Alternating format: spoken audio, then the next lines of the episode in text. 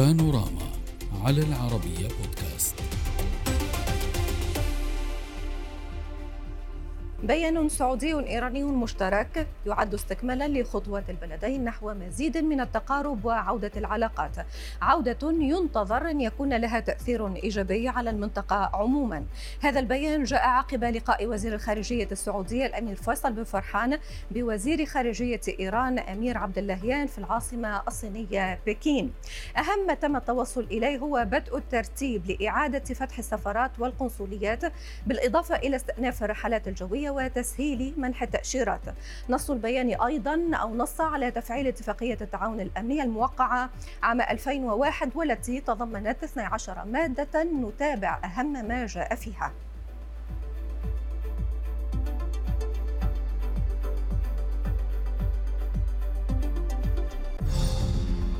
اتفاقية التعاون الأمني بين الرياض وطهران تم توقيعها عام 2001 تضمنت التعاون في مجال التدريب الأمني وتبادل الخبرات والمعلومات منع الهجرة غير المشروعة وفرض ضوابط الحدود والمياه الإقليمية.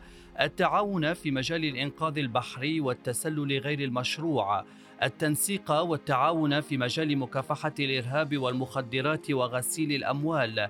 تسهيلات أكبر للحجاج والمعتمرين الإيرانيين. وسماح السلطات الإيرانية بفتح أبوابها أمام السعوديين دون الحاجة إلى الحصول على تأشيرة دخول. مكافحة الإتجار غير المشروع بالمخدرات وتطوير التعاون الثنائي لمنع الجريمة المنظمة.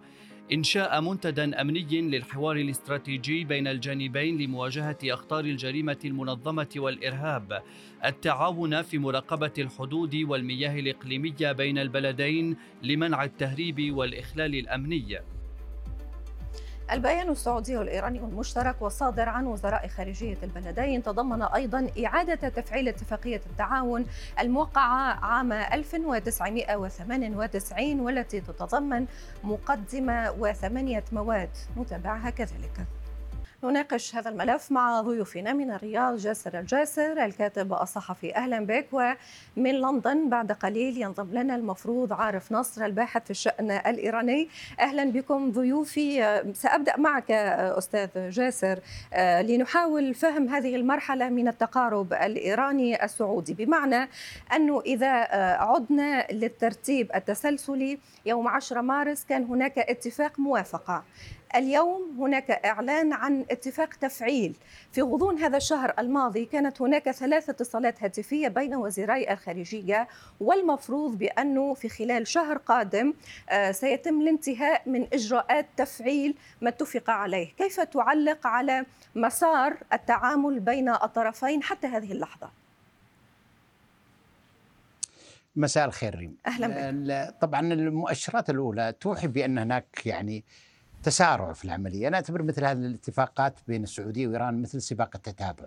مراحل يجب أن تتحقق قد تتعثر مرحلة في مرحلة لكن في المهم النتيجة النهائية. ما يحصل اليوم هو عملية تسريع واضحة. هناك إلحاح إيراني على العودة وهناك أعتقد أيضا يعني قابلية لا أقول قابلية سعودية لكن ضمن يعني التحقق من المتطلبات والاشتراطات المتفق عليها.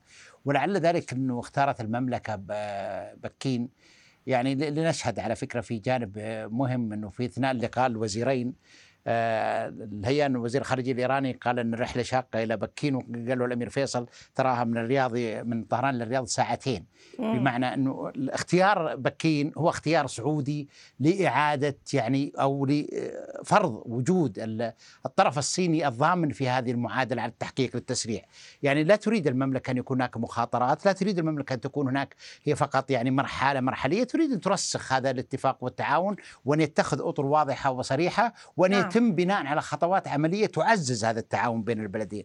المؤشرات نعم تقول لكن نلاحظ أيضا حتى البيان. ترى البيان السعودي أيضا البيان المصاغر المشترك هناك تطلع سعودي الرغبة في التنسيق الحث على يعني هناك متطلبات تأمل إنها تتحقق. ولذلك يعني هناك حماس انه يحدث هذا الاتفاق ويتحقق وتمضي المسارات بشكل كامل. وأن يتم لكن أيضا هناك الحرص جاسر. الحرص نعم الحرص على تحقيق المتطلبات التي التي اقرت في اتفاق بكين وهي مم. طبعا نعلم إنها كلها تفاصيل غير معلنة، إضافة لذلك أنا اعتقد اللقاء الوزاريين تضمن أيضا تفاصيل، البيان الس- السعودي الإيراني هذا إعلان عن ما تم ولكنه ليس ما تم، ما تم هناك تفاصيل كثيرة أكيد نوقشت وتحدث التزامات وحضرها الطرف الصيني وأعلنت مرحلة تشجع أو تؤيد تقدم إنه ممكن إحنا نتطور بشكل أسرع ونحقق نتائج أفضل في المرحلة المقبلة لأنه إذا اتفق الطرفان فعلا على نعم. أنه تحقيق الاستقرار في المنطقة وعدم التدخل في سيا- شؤون البلدان الأخرى.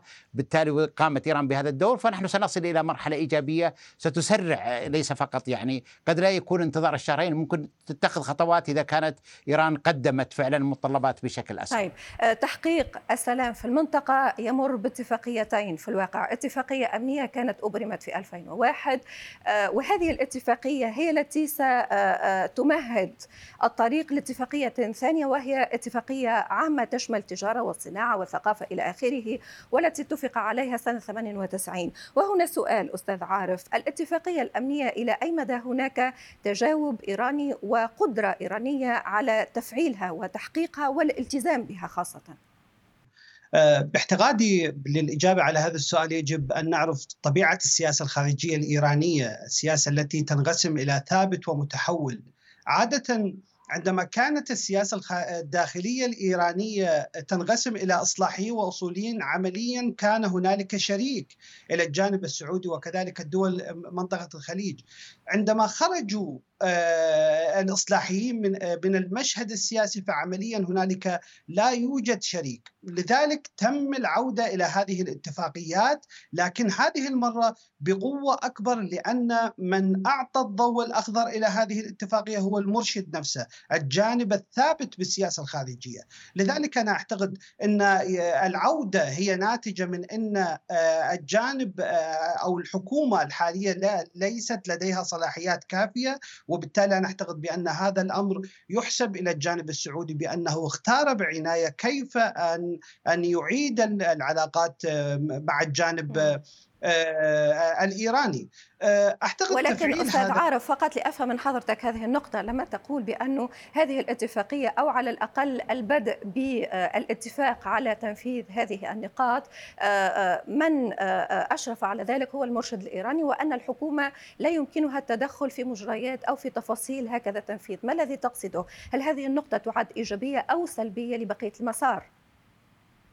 يعني أنا أعتقد بأن آم، آم، ب- م- آه، هذه الأمر تحسب إلى الجانب السعودي بأنه اختار أن يكون آه، الضامن آه، الداخلي لتفعيل هذه الاتفاقيات الآن المرشد الإيراني لأن آه، حكومة رئيسي لا حول لها ولا قوة ل- لتفعيل هذه الاتفاقيات المهمة خاصة أنها تتضمن قضايا حساسة منها حتى تبادل السجناء ونحن نعلم آم، آه، الكثير من المطلوبين إلى الجهات الأمنية آم، موجودين على الأراضي الإيرانية والكثير آه، بما فيهم آه، أعضاء من القاعدة وغيرها نعم. وكذلك هنالك الكثير من الملفات التي بإمكانها أن تكون ربما عملية إعادة ثقة آه، بين الطرفين، لذلك أنا أعتقد بأنها إيجابية هذه آه، هذه الشاكلة من الاتفاق أو تفعيل الاتفاق إلى الجانب السعودي أكثر طيب. من ما تعد تم. تعد نقطة إيجابية أستاذ جاسر منذ شهر كنا نتحدث عن اتفاق موافقة على تفعيل اتفاقية أمنية آم، كان أتفق عليها الجانبان سنة 2001 اليوم بدنا نتحدث على اتفاق لتفعيل هذه الاتفاقية الأمنية. تفعيل هذه الاتفاقية الأمنية سيقول البعض يرتبط بأمرين الحرب في اليمن والحرس الثوري. أيهما أسهل أو على الأقل أولوية للجانبين بحسب رأيك؟ طبعا الحرص أنا أعتقد إنه المعنية أساسا بت- بتفعيل الاتفاقية الأمنية المملكة العربية السعودية. لأن التهديد يأتي أو كان يأتي من الجانب الإيراني. الملفان كلهم مهم. يعني هناك آه، يعني ثلاث أو أربع نقاط مهمة في الاتفاقية. مكافحة الإرهاب غسيل الأموال والمخدرات. مكافحة الإرهاب هذه تقضي يعني عن- طبعا بالدعم الحوثي هو دعم للإرهاب ليس فقط يعني نشاط ثانوي. بالتالي مواجهة هذا التحدي هذه نقطة محورية وأساسية ومن دونها لن يكون هناك تحرك. لا لا أتوقع أن بكرة تنشأ علاقات بين السعودية وإيران وفي نفس الوقت ترسل للحوثي صواريخ ليهاجم المملكة. هذا يعني ندخل إحنا في مرحلة بثية. هذه نقطة مهمة. أيضا التدريب وإيواء مثل ذكر زميل عارف الكوادر الإرهابية المهددة للمنطقه ورعايتها والتحريض كل هذه الجوانب يعني أنا أعتقد حينما اجتمع الجانبان خاصة في بكي في المرة الأولى آه، مساعد العيبان مع شمخاني آه. أعتقد كان هناك ملفات تحمل تحمل هذه الشواهد والأدلة والاختراقات والتجاوزات والتهديدات، ليس كلاما يعني عاما، لا، نتكلم على تفاصيل نوقشت نقطة نقطة وربما اسم اسم وربما حالة حالة للوصول إلى اتفاق وبالتالي الإقرار بأن هذه المشاكل ستعالج وتتخذ فيها الخطوات. إعادة تفعيل اليوم نحن نتكلم الآن على المستوى السياسي. مم. دخول وزيري الخارجية رفع المستوى إلى المستوى السياسي وبالتالي الإطار الأشمل والعام لكن يبقى المحتوى الأساسي الذي هو التهديدات الأمنية والعسكرية التي تهدد استقرار المنطقة.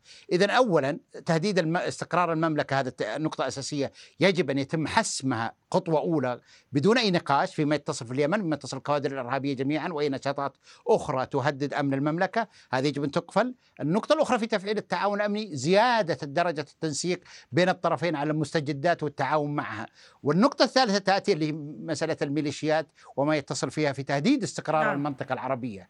إذا إحنا نقول واضح أنه تم هناك واضح هناك يعني لنقل شغف أو اندفاع إيراني كامل. إيران تريد أن تتنفس وهذه الاتفاقية وهذا الاتفاق بين الطرفين هو يعطي إيران نافذة من الاسترخاء والأمل أن تتجاوز أزماتها المختلفة والمتعددة. وبالتالي المملكة ترحب بهذا السياق ولكن ماذا سيحدث على الأرض؟ مهم جدا ماذا سيحدث على الأرض. متفائلون ولكن بحذر متفائلون قائمين على القواعد والمطيات إذا كل ورقة تقدم اليوم أو كل خطوة تتخذ هي ستكون علامة وبرهان على تسريع بالمقابل ريم كل هذه التفاصيل لن تعلن لن يعلن في يوم أنه كذا طبعا نعم. إيران لن تعلن أنها أوقفت دعم الحوثي وهي تزعم لا علاقة لها لكن أعتقد ستكون هذه في الغرف الداخلية في الغرف المغلقة سيتم مناقشة الملف عمليا وإطفائه بدون أن يكون هناك إعلانات صحيح يكون هناك ارتياح سعودي تتسرع الخطوة الأخرى. ولكن ولكن يبقى سؤال من هي إيران التي نتحدث عنها؟ إيران المرشد، إيران الحكومة أو إيران الحرس الثوري؟ أستاذ عارف لتحقيق السلام في المنطقة يقول البعض يجب أن ندخل من بوابة إنهاء الحرب في اليمن، هل تعتقد بأن الحرس الثوري قد يلتزم بما اتفق عليه أو أن هناك مخاوف من إمكانية تمرد؟